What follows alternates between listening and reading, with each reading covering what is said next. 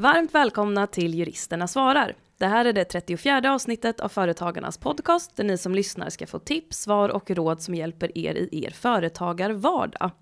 När betraktas ett bolag vara på obestånd och hur undviker man att bolaget försätts i konkurs? Hur fungerar konkursprocessen och kan man som aktieägare eller styrelseledamot bli personligt betalningsansvarig för företagets skulder?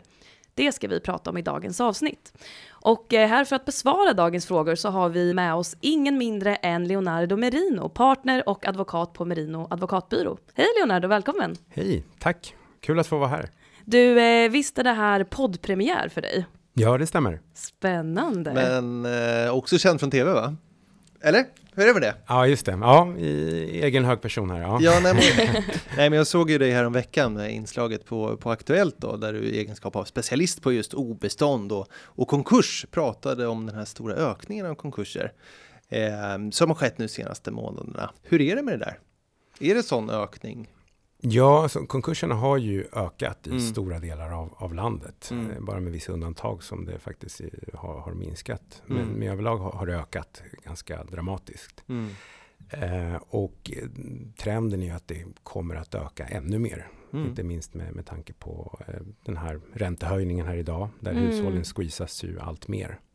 Eh, sen är det ju så att man kanske inte märker av det eh, så mycket än så länge. Mm. På grund av att vi, vi har också sett tendenser att de konkurser som har kommit in har varit att Skatteverket har eh, ja, ökat eh, antalet konkursansökningar för bolag som har varit vilande. Mm -hmm. Så det är alltså, som tomma bolag och så. Mm. Även Bolagsverket har eh, ökat antalet eh, tvångslikvidationer. Sådana bolag som sedermera går i konkurs. Då, då. Mm. Så att substansen i de konkurserna mm. som, som har kommit in är inte så stor än. Okej. Och hur länge, har, hur länge har du jobbat med konkurs och obeståndsfrågor? Och vad var det som gjorde att du blev intresserad av just det? Mm, börjar, jag har jobbat med konkursförvaltning och obeståndsfrågor i snart 14 år blir det. Mm. Mm. Eh, och det var faktiskt en slump att jag började med det. Och I början av min karriär så började jag på en advokatbyrå som var väldigt viktade mot mm. konkursförvaltning. Mm. Så det blev oundvikligt att börja jobba med det. Mm. Eh, och på den tiden så var det mer tjusigt att, att jobba med M&A och företagsöverlåtelser och mm. så. Men obeståndsrätten och, och konkursförvaltningen tilltalade mig av flera anledningar egentligen. Eh, det var eh, den här bredden som man fick som, mm. som jurist. Man, man, får, eh, man måste behärska olika rättsområden för att kunna göra ett bra jobb som mm. konkursförvaltare och som rekonstruktör som mm. också ingår i obeståndsrätten och affärsdelen. Man måste också mm, utveckla sitt affärssinne för att kunna göra ett bra jobb. Mm. Kul! Och eh, hur, hur ser en vanlig arbetsdag ut för dig om du har några vanliga arbetsdagar? De ser verkligen inte lika ut eh, någon dag. Utan det, men, man kan säga att eh, jag träffar en himla massa folk. Jag mm. träffar en massa företagare som i, inte sällan är i en väldigt utsatt situation. Man mm. har levt med, med ett eh, skuldtyngt bolag ganska länge och eh, sent om sidor då eh, hör av sig och, och tar hjälp, oftast tyvärr alldeles för sent. Där vi märker den okunskap som tyvärr finns. Det finns mycket kunskapsluckor om hur de här olika insolvensförfarandena funkar, alltså rekonstruktion och konkurs. Eh, och just de här eh, okunskapen eller kunskapsluckorna som finns skapar eh, väldigt mycket stress hos de här företagarna. Och eh, det är också att de då på grund av okunskapen tar eh, dåliga affärsmässiga beslut. Mm, mm. På grund av att det är på på eh, ja, mycket okunnighet där. Mm, mm. Och därutöver finns ett stort inslag av att det är eh, stigmatiserat här i mm. Sverige att gå i konkurs eller att, mm. att bolaget är på obestånd. Och eh, orsaken tror jag är för att många företagare identifierar sig med sitt företag. Där de ser ingen skillnad mellan att bolaget har ett organisationsnummer och mm. privatpersoner och företag har ett eget personnummer. Mm, utan man, mm. man, man, man uh, identifierar sig helt med, med sitt, sitt e bolag. Med sitt ja. bolag. Så att, att då eh, behöva kanske inse att man uh, behöver avveckla sitt bolag, det är nästan att man, mm. man uh, på något filosofiskt sätt avvecklar sig själv. Och jag, då kan mm. jag förstå den struts metoden man har. Det vill säga att man, Mm. man eh, helt enkelt eh, in, inte tar hjälp i tid för att man eh, är i en förnekelsefas. Ja men precis, Nej, och det är bra att du lyfter det och förhoppningsvis så kan vi i det här avsnittet eh, täppa igen vissa av de eh, kunskapsluckorna och, och minska på den stressen. Men jag tänker innan vi går vidare till, till dagens första fråga så ska vi ju kanske kort nämna att vi kommer bara att prata om aktiebolag idag eh, och hur konkursförfarandet eh, ser ut där. Ja, så när vi säger bolag och vi säger företag, då menar vi alltså aktiebolag. Precis, och eh, det är ju faktiskt också så att jag heter Oksana Jakimenko Och jag heter Hampus Löfstedt. och vi arbetar på Företagarnas juridiska rådgivning. Välkomna till podden! Ja, första frågan sa vi. Hej! Vi äger och driver en cykelbutik och har under det senaste året kämpat med att hålla verksamheten flytande. Vi har nu via vår redovisningskonsult fått reda på att bolaget är på obestånd. Vad betyder egentligen det? Och vad kan vi göra för att undvika konkurs? Tacksam för svar. Ja du Leo, vad är obestånd hör du? Mm, obestånd eh, är eh, ett synonymt begrepp förresten till obestånd, det är insolvens. Okej.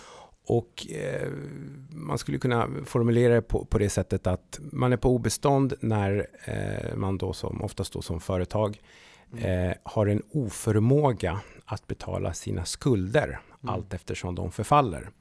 Och att den oförmågan inte endast är tillfällig. Mm. Eh, man, man skulle kunna som sagt sammanfatta det som att man har en bestående oförmåga att betala sina skulder. Mm. Då är man på obestånd eller på insolvent. Mm. Ja, och du sa att det ska vara då den här betaloförmågan ska vara inte endast tillfällig. Kan du utveckla det? Mm. Eh, det kan ju vara så att företaget som sådant inte har de överskott som behövs för att kunna göra rätt för sig på Mm. och betala sina skulder. Mm. Men det finns ju ägare till, till bolaget som har möjlighet att pytsa in pengar och eh, se till att bolaget faktiskt kan fullgöra sina förpliktelser. Mm. Då är ju inte bolaget på, på obestånd för då får man, får man ju ett tillskott eller lån från, från annat håll som gör att man, man kan komma ur det här obeståndstillståndet. Eh, tillståndet då då. Mm.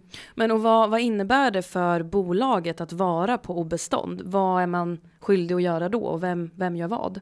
Mm, när bolaget eh, är på, eh, på obestånd Mm. så är man egentligen inte skyldig att söka bolaget i konkurs. Mm. Sen kan man givetvis säga att bolag som inte kan fullgöra sina förpliktelser kommer förr eller senare då hamna i konkurs eller Mm. det kommer leda till, till konkurs. Men, men det finns ju risker att sitta i styrelsen i ett bolag och bedriva verksamheten vidare eh, i och med att det mm, finns risk för personlig betalningsansvar, till exempel Mm. för, för skatter. Just det. Okej, så att när bolaget är på obestånd, då blir man inte automatiskt skyldig om att ansöka bolaget i konkurs. Men vad, vad gör man då som, som styrelse, liksom? om man har ett bolag som är på obestånd?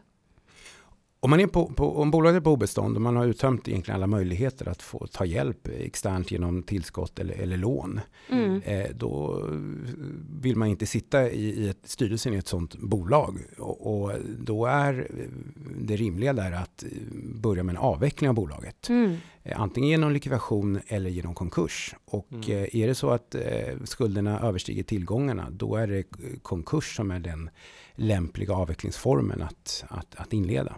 Mm. Just det, okej. Så är är de nu här, den här cykelbutiken då, och hoppar tillbaks till frågan. Så du säger att man kan kanske undvika konkurs i att, till att tillsätta eh, pengar genom kanske aktieägartillskott och sådär. Har du något annat tips om det är så att man som bolag börjar gå ut för så att säga? Ja, det är, man måste nu börja långt tidigare skulle Ja. jag säga. Mm. Eh, och eh, är det någonting som, som man måste ha koll på som, Mm. som företagare.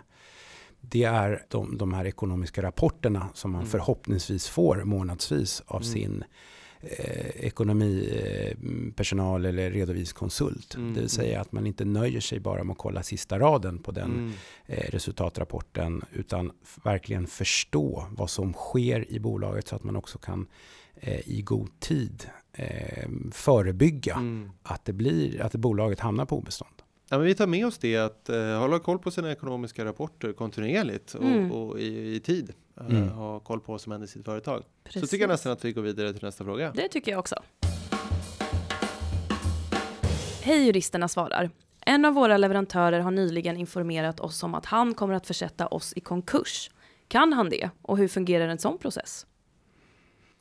Ja, här måste jag eh, börja med att säga att här är en väldigt vanlig missuppfattning bland företagare där eh, man, eh, bo, bolaget har en skuld till någon leverantör där Mm. leverantören då eh, har påmint om betalning och sen mer eller mindre hotar med konkurs. Ja. Och då tror den enskilde företagaren att eh, den här leverantören egentligen bara kan eh, själv bestämma att nu går du i konkurs. Mm. Men, eh, Riktigt så, enkelt är det inte va? Nej. Nej, Nej. utan eh, är det så att man bestrider betal, betalningsansvar, Mm. då eh, är ju den här, det här kravet så kallat tvistigt. Mm. Mm. Och då måste den här leverantören stämma i domstol och köra en process där som kan ta eh, kanske upp till ett år. Mm. Eh, och sen eh, begära eh, verkställighet via Kronofogden, få en, eh, en, en utredningsrapport från Kronofogden för att sen använda sig av den i en konkursansökan. Mm. Eh, det är det långa förfarandet. Mm. Så Mm. att det, det görs inte på en handvändning. Nej. Är bolaget, eh, erkänner bolaget betalningsskyldighet, då finns ett snabbare förfarande för leverantören. Då kan leverantören då skicka en så kallad betalningsanmaning till då bolaget som, som är skyldig pengar. Mm. Och om inte då bolaget har betalat den här skulden då inom en vecka. Den här skulden ska då vara klar och förfallen som Mm. det heter enligt Mm. lag. Just det vill säga den ska vara otvistig. Mm. Har inte bolaget betalat då inom en vecka för den här betalningsanmaningen så kan leverantören inom tre veckor då söka bolaget i konkurs Mm. i tingsrätten. Och då kallar tingsrätten till en konkursförhandling och den ska då ske eh, vanligtvis inom två veckor efter att an- konkursansökan gavs in. Mm. Ibland kan det ta upp till en månad innan man sätter ut i den här konkursförhandlingen. Så att det är en längre ledtid än vad Mm. många tror. Okej, men, men ett konkursförfarande, hur, hur ser det liksom? Jag förstår att det är många delar i ett konkursförfarande och vi hade väl jättegärna haft en whiteboard här kanske och ritat massa pilar med boxar och så vidare. Men, men om vi skulle kunna gå igenom det lite eh, översiktligt, hur skulle du förklara hur en konkurs egentligen går till? Mm, jag ska försöka utgå från hur den uppfattas för, Ja. för en enskild Mm. Eh, och mm, jag skulle nog dela in kon- eh, konkursförfarandet i, i tre olika etapper. Mm. Där den första etappen är det som jag kallar informationsinhämtning och informationslämningsfasen. Det vill säga man, som konkursförvaltare behöver man hämta in väldigt mycket information från bolagets ställföreträdare för att försöka förstå verksamheten och också bedöma vilka avvecklingsåtgärder som är lämpliga att göra. Mm. Samtidigt så, så är ju väldigt eh, mycket oklart för styrelsen och ställföreträdare i bolaget. Så de behöver väldigt mycket information. Så man behöver lämna mycket information som konkursförvaltare. Eh, och det är nog den mest intensiva perioden så som företagaren upplever. Det säga man, man, förvaltaren är helt beroende i många fall av Mm. ställföreträdare i bolaget för att kunna göra ett bra jobb. Mm. Ehm, och drygt en månad eh, därefter så ska ju dessutom också eh, bolagets ställföreträdare bekräfta riktigheten i en så kallad eh, bouppteckning som förvaltaren upprättar. Som Mm. är en förteckning över bolagets tillgångar och skulder. Som då eh, ställföreträdaren då eh, måste gå i godo för att, att den stämmer. Mm. Därefter är etapp två, eh, som ibland också sker parallellt med den första etappen, det är det som man kan kalla realisationsfasen. Det vill säga man realiserar tillgångarna som finns i bolaget. Säljer av inventarier, eventuellt lager, driver in fordringar och så vidare. Mm. Och där är det också eh, bolagets ställföreträdare som spelar en viktig roll för, för att förse konkursförvaltare med, med information om bolagets tillgångar och fordringar i många fall. Ehm, och ehm, därefter så är det eh, etapp tre som eh, jag kallar granskningsfasen.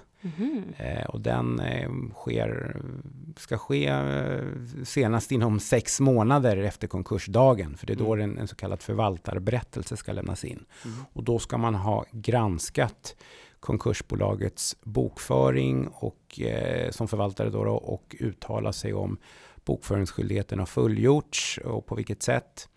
Eh, om det finns då några nå transaktioner som har skett före konkursen som på något sätt kan angripas av Mm. konkursförvaltaren. Mm. Så det, det, och även där kommer man behöva eh, bolagets eh, ställföreträdares hjälp att, Mm. att förse förvaltare med information vad som har hänt före konkursen. Mm. Mm. Och är det någon skillnad i den här processen om det är eh, bolaget själva då eller någon utomstående som ansöker om konkurs?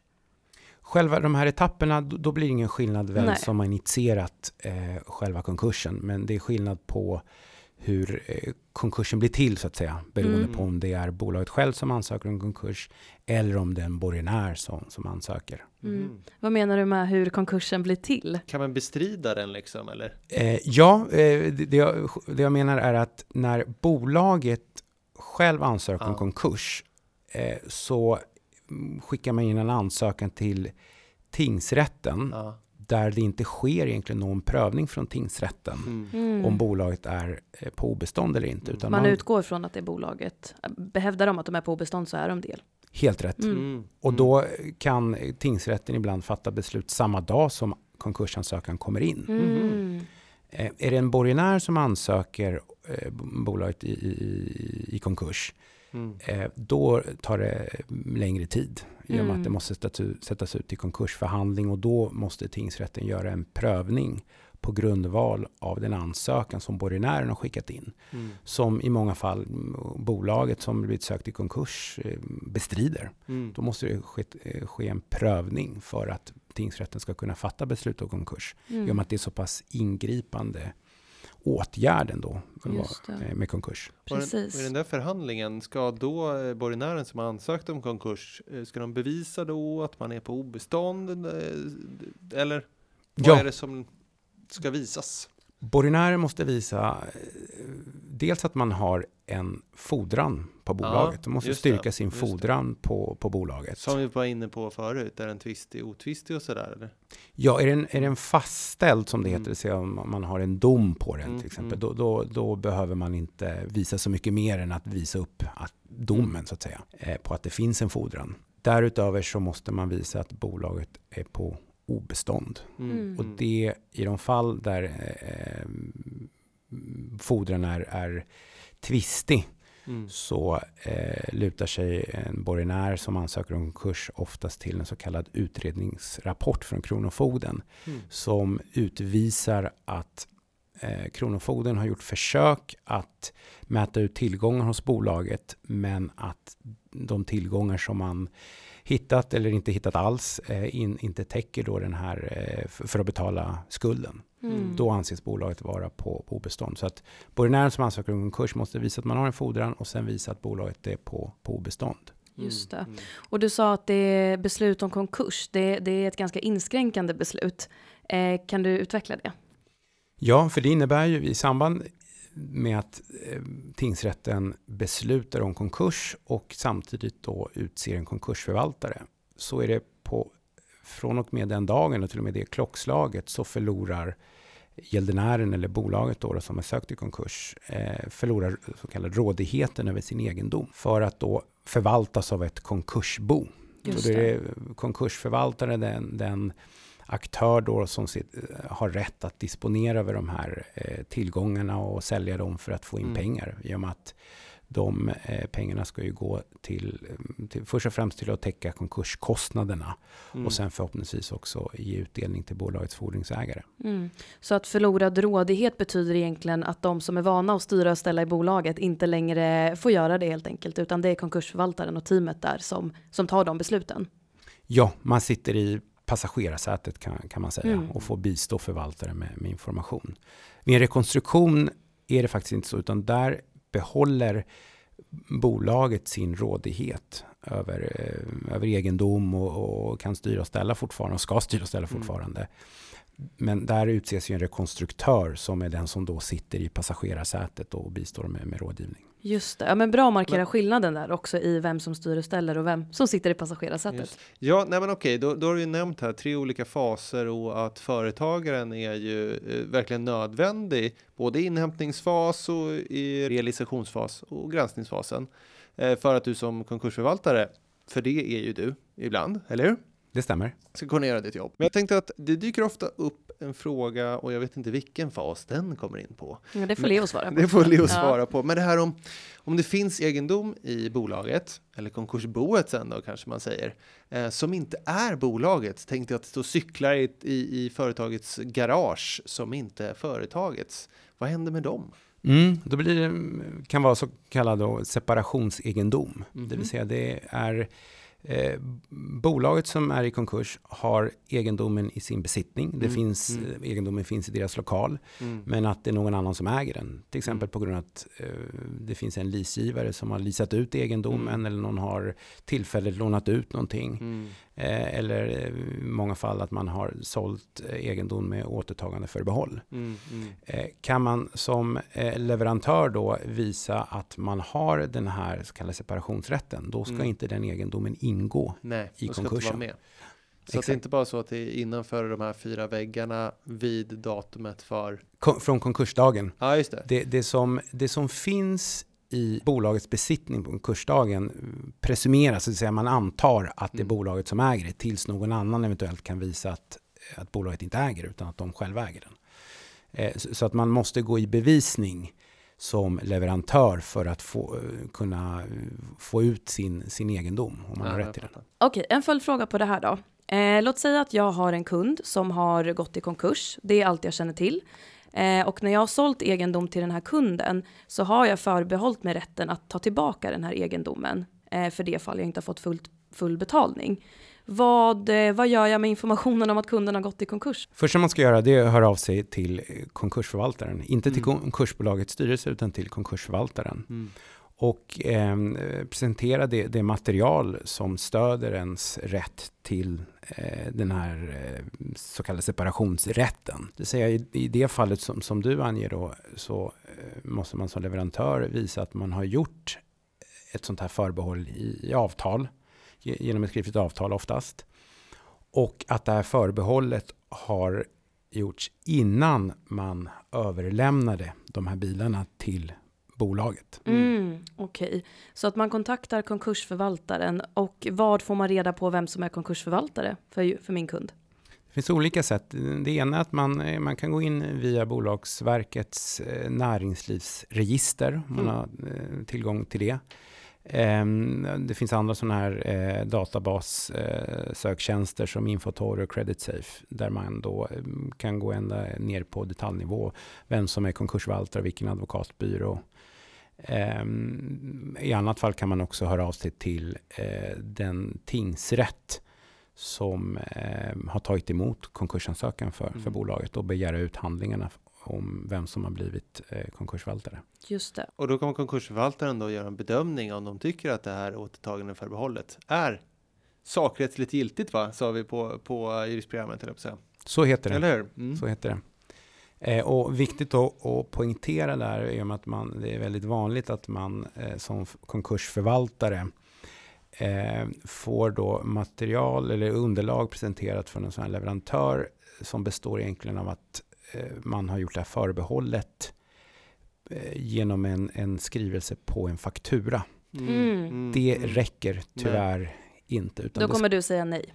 Då måste jag säga nej. Mm. Ja, För ja. då är det inte eh, sakrättsligt giltigt. Då Mm. har man inte separationsrätt som leverantör. Mm. Jag känner bara att kan inte Leo komma hit och diskutera det här varje, Varje poddavsnitt? poddavsnitt, ja, samma. Superspännande och aktuellt eh, om inte annat. Verkligen. Men hörni, till syvende och sist, eh, hur får man betalt och vem får betalt? Finns det en ordning och sådär? Vem, vem får då det här som finns inom de fyra väggarna när, efter konkursdagen egentligen? Mm. I konkursrätten finns en, en grundläggande eh, princip om den så kallade likabehandlingsprincipen. Det vill säga alla borgenärer i konkursen ska behandlas lika. Mm. Och, eh, men det finns ett undantag från det och det är mm, genom förmånsrättslagen. Där eh, vissa borgenärer då har eh, bättre rätt än andra kan man säga till, till utdelning. Mm. Ett eh, konkret exempel är eh, banker som Mm. har företagshypotek som säkerhet.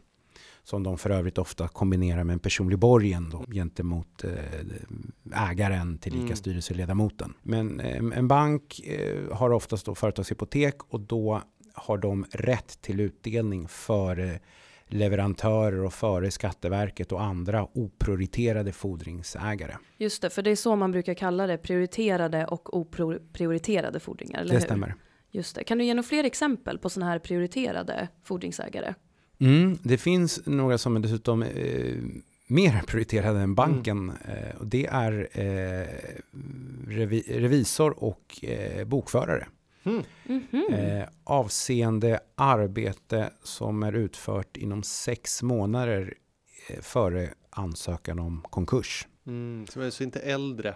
Det får inte vara äldre än sex månader och det ska avse sådant arbete som är stadgat i lag. Och anledningen till att eh, man har gett den här eh, prioriteringen till, till bokförare och revisor det är att man vill eh, upprätthålla en, en god ordning i bolagets räkenskaper även när bolaget går dåligt. Och det måste väl ändå göra arbetet enklare för en konkursförvaltare sen. Om räkenskaperna är på plats så att säga. Och inte bara släppts vind för våg. Det stämmer. Mm. Det blir mycket enklare att eh, göra sin konkursutredning och sin konkursavveckling i, eh, när man har bokföring Mm. som är i, i gott skick. Mm, mm. Mm.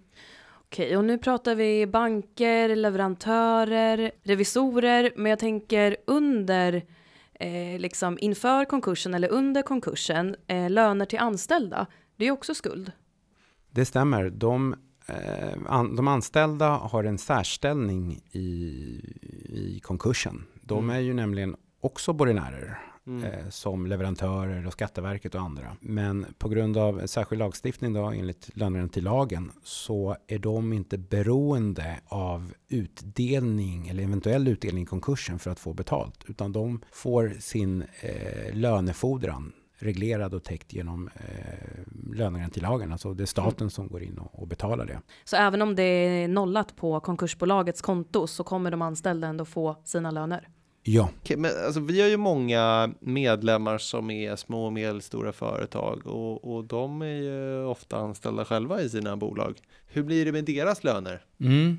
Lönegarantilagen är, är väldigt generös eh, gentemot eh, eh, de anställda. Mm. I och med att det, det enda begränsningar som, som finns det är egentligen att lönekraven får inte vara äldre än tre månader före Mm. konkursen. Mm. Och att det är ett, ett tak på eh, för 2023 är det eh, tror jag, ungefär 210 000 Mm. som, Mm. som staten täcker för varje enskild Mm. anställd. Men är man ägare Mm. och styrelseledamot i Mm. bolaget så har man tyvärr inte den eh, rätten att få lönegaranti. Nej. Och det, man ska ha då ett väsentligt ägande som det står i lagen och ett betydande inflytande. Eh, då är man eh, tyvärr undantagen från de här lönegarantireglerna. Jag tror att det är en vanlig missuppfattning att staten är prioriterade fordringsägare. Mm, det hör vi fortfarande ganska ofta. Att det, det, det är många företagare som utgår från att skatteskulder Mm. eh, har någon prioritet till utdelning i konkursen. Men det stämmer inte. Nej. Det, jag tror det gäller för mer än 15 år sedan. Mm. Så hade eh, Skatteverket prioritet för, för, för, sina, eh, för vissa skattefordringar. Även hyresvärd Mm. hade Mhm. viss prioritet för, jag tror det var tre månader innan Mm. eh, konkursen för hyresfordringar. Men det har, eh, har de inte idag, vare sig hyresvärd eller Skatteverket. Det ska dock tilläggas att Skatteverket har ju en annan form av möjlighet att få betalt trots att det är konkurs. Det är genom det här legala företrädaransvaret där de kan rikta eh, sina krav mot den, de enskilda styrelseledamöterna istället. Men okej, då har vi fått, vi har fått lite exempel på eh, vilka som har prioriterade fordringar. Eh, men eh, konkursförvaltarna? Avvecklingskostnaderna, det Mm. vill säga konkurskostnaderna där eh, konkursförvaltararvodet ingår, tas ur de medel som finns i konkursboet. Mm. Mm. Eh, till exempel om man har eh, sålt inventarier och eventuellt lager och drivit in fordringar så är det därifrån eh, konkurskostnaderna tas ifrån. Mm.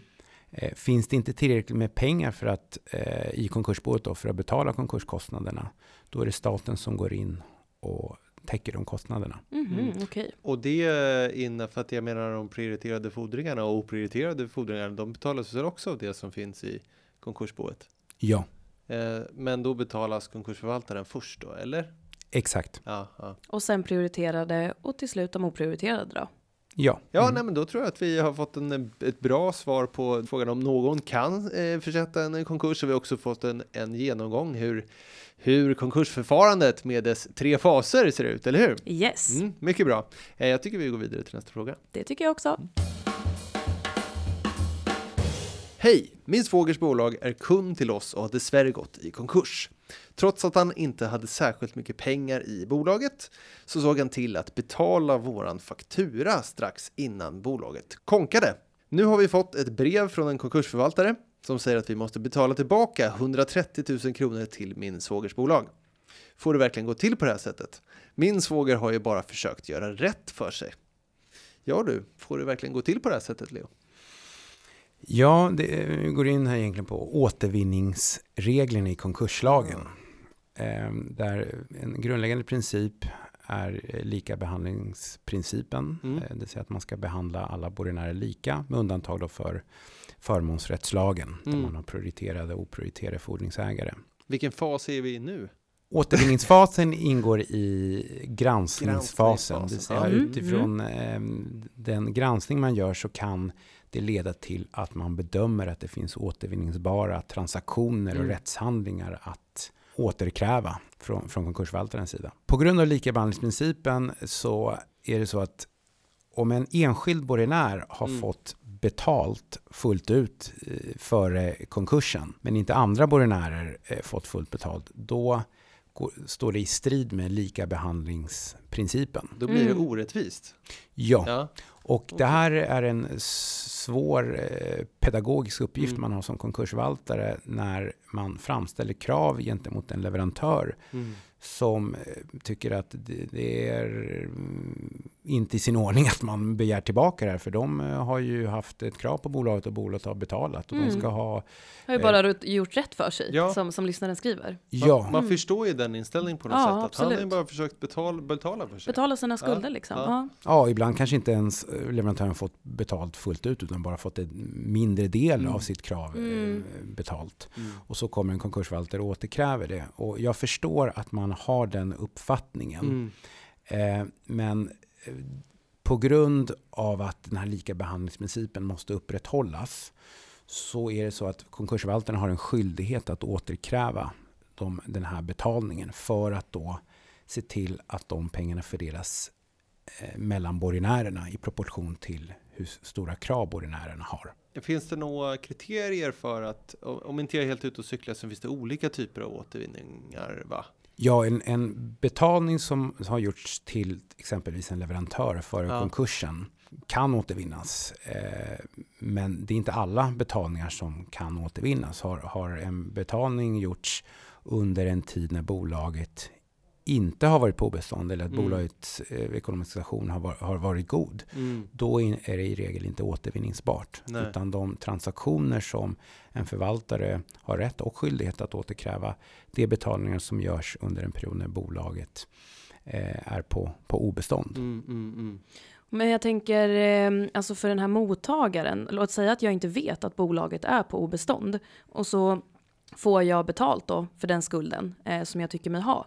Vad påverkar det på något sätt att jag inte har känt till att bolaget har varit i ett svårt ekonomiskt läge? Mm, det finns olika grunder för återvinning som, Mm. som en förvaltare kan använda sig av. Och ehm, har en betalning gjorts kort tid för konkursen, oftast eh, tre månader innan konkursen, Mm. då spelar det ingen roll om man visste om att bolaget var på obestånd Mm. eller inte, utan den, de går att återkräva ändå. Mm. Oavsett om man kände till det eller inte. Mm. Ja. Okej. Mm. Men är, har betalningen gjorts eh, längre tillbaka i tiden än så, ja då kan det ha betydelse att man, man inte har eh, haft kännedom om det här. För då måste förvaltaren visa att leverantören som tog emot betalningen faktiskt var, var medveten om att bolaget var på obestånd eller att situationen var ansträngd för, för bolaget. Mm, mm. Om ett bolag har varit på obestånd väldigt länge då, finns det liksom tidsgräns för att konkursförvaltaren ska påkalla återvinning? Ja, det finns olika grän, eh, tidsgränser på tre- eh, fem år Ja. är, är Mm. det eh, enligt en, en generalklausul som det, Ja. som det finns i konkurslagen. Eh, Men är det så att en betalning, en transaktion, en rättshandling har gjorts till en närstående Mm. så finns det ingen begränsning i tid. Aha. Jag skulle precis fråga om det, Ja. för att det, i frågan här så var det en svåger och det, det Mm. betraktas väl som närstående? Ja, Okej, och får, får den här då närstående relationen liksom någon annan betydelse för själva transaktionen? Eller återvinningen? ja är man närstående till bolaget, tillika leverantör, eh, så finns det bestämmelser i, i konkurslagen då där, att, där man då presumeras ha kännedom om Mm. bolagets eh, ekonomiskt knackiga situation kan man säga. Mm, Eh, vilket gör att man som då eh, leverantör till lika närstående måste motbevisa att man faktiskt inte hade kännedom om det här. Mhm, Och där spelade då roll den här kännedomen. Exakt. Okej, och jag tänker så här då, hur blir det med, med löneutbetalningar? Alltså lön brukar ju nästan alltid vara liksom fredad eller skyddad från olika typer av åtgärder. Men då tänker jag så här att om man vet att bolaget kommer gå i konkurs om, om ett tag eh, och det är, liksom, det är den anställningen man har, mm. kan man då betala ut en lite högre lön till sig själv för att liksom, ja, klara sig om man säger efter konkursen? Eller hur blir det då? Det är tyvärr inte ovanligt att man som företagare har levt med sitt bolag som är i en ansträngd ekonomisk situation som gjort att man inte har betalat ut lön till sig själv på kanske flera månader. Mm, mm. Eh, och man då som företagare tänker att men då är det väl inte mer än rimligt att jag betalar ut en lön till mig här innan jag eh, söker bolaget i konkurs. Mm, ja, Mm. precis.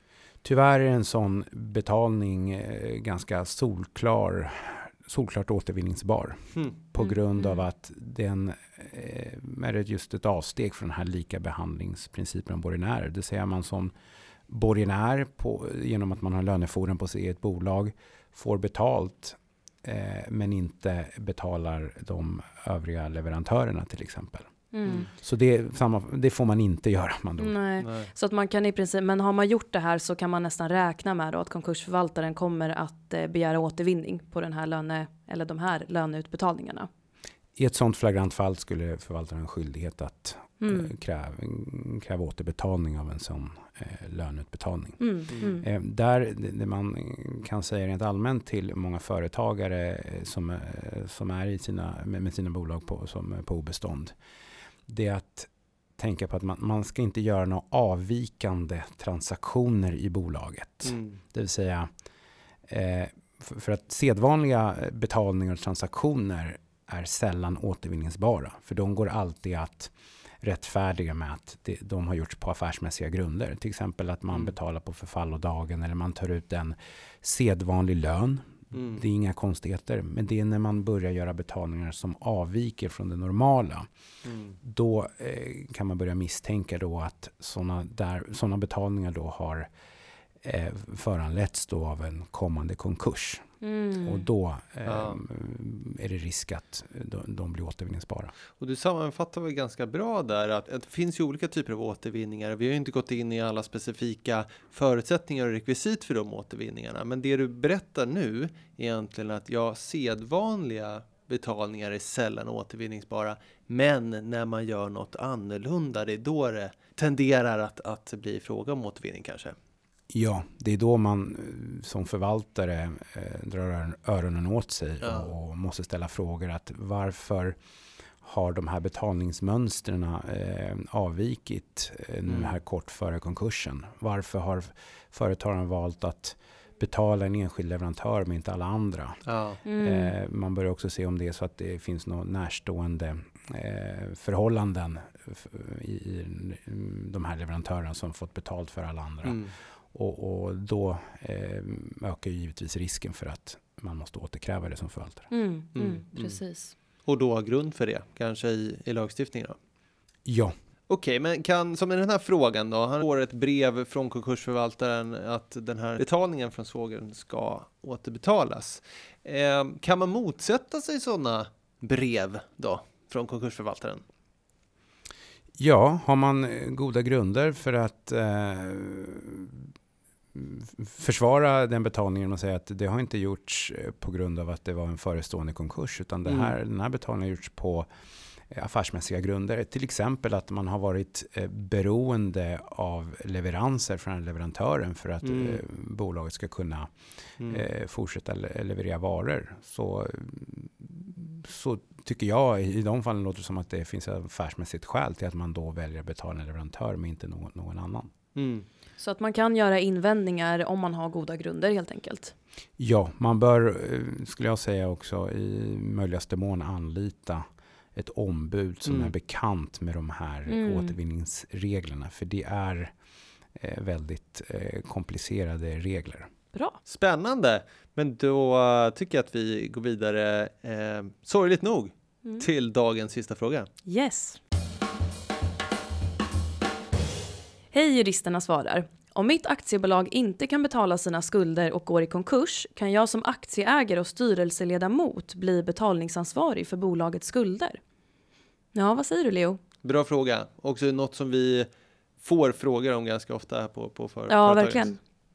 Ja, vi får också väldigt många frågor rörande risken för personlig betalningsansvar mm. när ens bolag är på obestånd eller har gått i konkurs. Och den vanligaste frågan rör just det här med det legala företrädaransvaret för skatter och avgifter. Där reglerna är kortfattat då att om bolaget har förfallna skatter och avgifter vid mm. konkursutbrottet så finns det en risk att om Skatteverket inte får fullt betalt för de här skatterna och avgifterna mm. så kan de vända sig mot eh, styrelsen, styrelse, de enskilda styrelseledamöterna mm.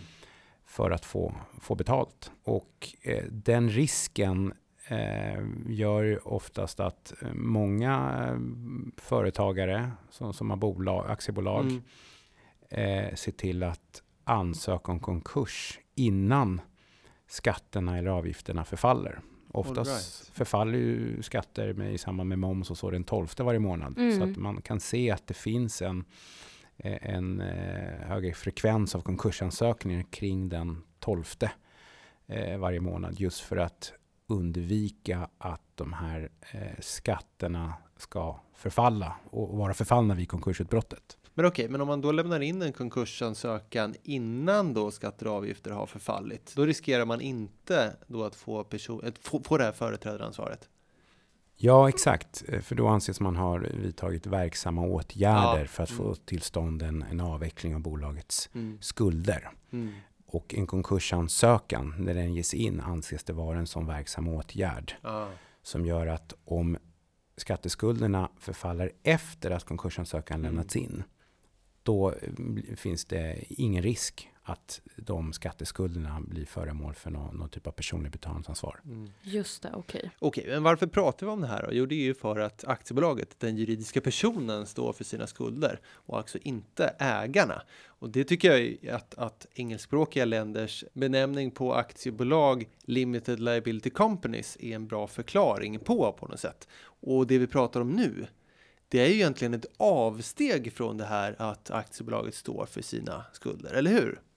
Tyvärr är det så eh, att eh, de flesta företagen vet ju att om bolaget ska ha någon chans att få, få lån så måste mm. Eh, ställföreträdaren eller ägaren eh, gå i personlig borgen mm. för att bolaget överhuvudtaget ska kunna få ett lån. Mm. Därutöver kan även leasegivare kräva att ställföreträdaren går i personlig borgen. Mm. Vissa hyresavtal eh, kan också ha en, en sån klausul. Mm. Så eh, som svar på min fråga, nej, det är inte så begränsat ansvar mm. som man skulle kunna tro. Nej. Därutöver finns det också dessutom eh, lagreglering om, om eh, att om bolaget inte kan betala sina skatteskulder så finns det en risk då att ställföreträdaren får betala det gentemot Skatteverket. Och mm. även då regler i aktiebolagslagen om det här med kontrollbalansräkning. Även där finns det då en legal grund för att styrelsen får svara för bolagets skulder. Och, och det är som du säger, det är ett Mm. avsteg från de här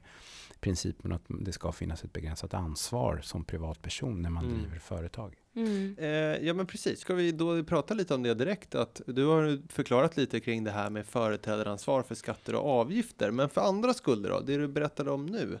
Eh, kan man bli betalningsansvarig för dem då som styrelseledamot och aktieägare? Ja, det finns de här snåriga reglerna i aktiebolagslagens 25 kapitel. Det här om kontrollbalansräkning som, jag, eh, som också är väldigt eh, vanligt förekommande, Mm. förekommande att man får frågor om från Ja företagare. verkligen, verkligen. Eh, och om inte annat så har eh, bolagets revisor eller redovisningskonsult gjort eh, företagaren uppmärksam på att de här reglerna Mm. finns. Mm. Och vad innebär de då? Ja, eh, om man ska gå i detalj är det Ja, väldigt. väldigt komplicerat. Men man skulle kunna eh, sammanfatta det som att om bolagets styrelse eh, misstänker att bolagets egna kapital Mm, understiger hälften av bolagets registrerade aktiekapital. mm, Det mm, vill säga att bolaget har en kritisk kapitalbrist kan man säga. mm, Då har styrelsen en skyldighet att genast upprätta en så kallad kontrollbalansräkning. Mm. För att, se, för att eh, utvisa hur, hur, hur mm, bolagets situation ser ut. Och underlåter man att göra det här, Mm. trots att man misstänker eller har skäl att anta, som det Mm, heter i mm. lagtexten, Mm. så riskerar styrelsen då att bli personligt betalningsansvarig för de skulder som uppkommer under den här perioden som man har underlåtit att agera. Ja, så att om man underlåter att göra en sån här kontrollbalansräkning, då kan styrelseledamöter bli betalningsansvariga för skulder som uppkommer efter man skulle ha upprättat en kontrollbalans. Helt rätt. Ja, men det är ju en jättebra bra eh, varning eller eh, information till, till lyssnare och företagare. Och Mm. som du säger, så många ställer frågor kring. Mm. Men eh, om man nu gör en sån här en kontrollbalansräkning som man ska för att man är underkapitaliserat, vad händer sen då? Om den här kontro- kontrollbalansräkningen som man har upprättat då Mm. som, som styrelse eh, utvisar att eh, bolaget inte är underkapitaliserat. Det vill Mm. säga att bolagets egna kapital överstiger hälften av Mm. det registrerade aktiekapitalet. Mm. Då behöver man inte göra någonting. Nej. Då kan man bara sätt, eh, lägga den här kontrollbalansräkningen i byrålådan och inte Mm. tänka på den. Mm. Men om den utvisar att eh, bolaget är underkapitaliserat, eh, då har styrelsen då eh, skyldighet att kalla till en första kontrollstämma för att då eh, bolagsstämman eh, genom dess aktieägare då, då ska fatta beslut om man ska fortsätta eh, verksamheten eller om man ska likvidera bolaget. Mhm. Beslutar bolagsstämman att man ska fortsätta verksamheten så har man då åtta månader på sig. Bolaget har åtta månader på sig att under den tiden försöka återställa det egna kapitalet. Mm, mm. Så, att det är, eh, så att det finns full täckning. Just det. Så att när man har en då andra kontrollstämma åtta månader efter Mm. så ska ju det, hela kapitalbristen vara läkt. Ja, Mm. Du sa ju förut att man, att man skulle upprätta kontrollbalansräkning när egna kapitalet var under hälften, Hälften. av det registrerade aktiekapitalet. Men eh, du sen säger att det ska vara helt återställt. Vad menar du då? Ja, för att understiger det hälften av det registrerade aktiekapitalet, alltså det egna kapitalet Ja, understiger det, då eh, är, är lagkraven att för att man då ska kunna fortsätta verksamheten och att inte bli tvungen Mm. att likvidera det, Mm. så räcker det inte då med att man då Kommer till hälften. kommer till hälften, Nej. utan då måste det vara helt eh, återställt. Mm, mm, Okej, men eh, så nu har vi pratat om styrelsens eller styrelseledamöternas personliga betalningsansvar. Kan eh, aktieägarna bli ansvariga för bolagets skulder? Om det vid en andra kontrollstämma framgår att bolagets aktiekapital in- inte har återställts, då har ju bolaget en skyldighet att likvideras. Mm. Om aktieägarna trots det eh, beslutar på bolagsstämman då att fortsätta verksamheten, då finns det en risk att man eh, blir eh, personlig betalningsansvarig även som aktieägare. Mhm. Okej. Det kanske är ganska sällan det händer. Ja, jag har det är ingen inte, statistik på det, men man kan gissa att när det har gått så långt så kanske man inte tar ett aktivt beslut att driva det vidare. Vad vet jag? det är inte så vanligt. Nej. Nej, nej. Nej.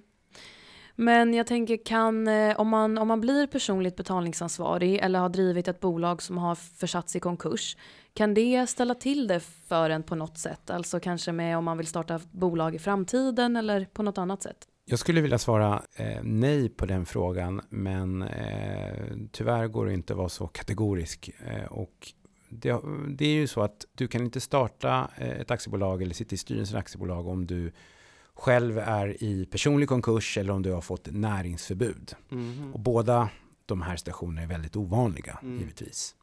Eh, så är du inte personlig konkurs och inte har, har näringsförbud så ska du kunna sitta i styrelsen och starta ett aktiebolag och, och registreras hos Bolagsverket och, och verksamt.se och allt mm. vad det är. Men där vi har noterat att det ändå blir problem, trots att man eh, formellt sett mm. fyller alla kriterier för att kunna starta bolag, så eh, är det så att Skatteverket ibland eh, ställer frågor till eh, styrelsen då i, mm. i, i, bolag som är nyregistrerade i samband med att man ansöker om F-skatt. Just det.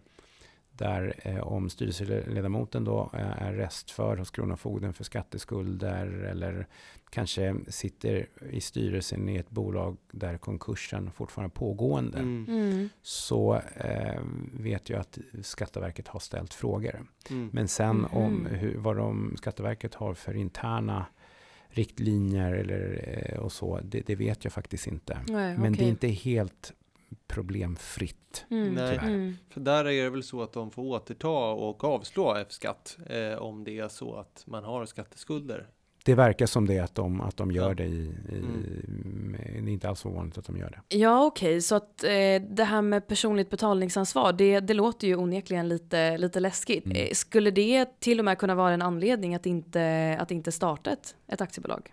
Jag förstår din fråga och det finns en risk för personligt betalningsansvar för bolagsskatter och avgifter. Eh, men jag skulle inte heller överdriva den risken. Mm. Eh, för att det är ju i nuläget, de senaste åren, är det ungefär 6 000 konkurser per år, där de flesta är aktiebolag. Mm. Och inte ens Skatteverket har de resurser, resurserna för att kunna gå på eh, varenda styrelseledamot i, i, i de här bolagen där det finns skatteskulder. För alla bolag har skatteskulder i mer eller mindre omfattning. Mm. Mm.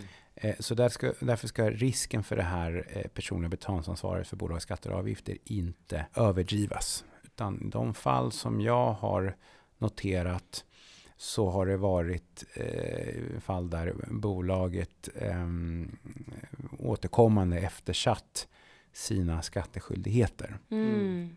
Vi ser tyvärr i många fall att en del företagare är livrädda just för det här ansvaret, för, mm. för eh, risken för ansvar för, för skatter och avgifter som bolaget har.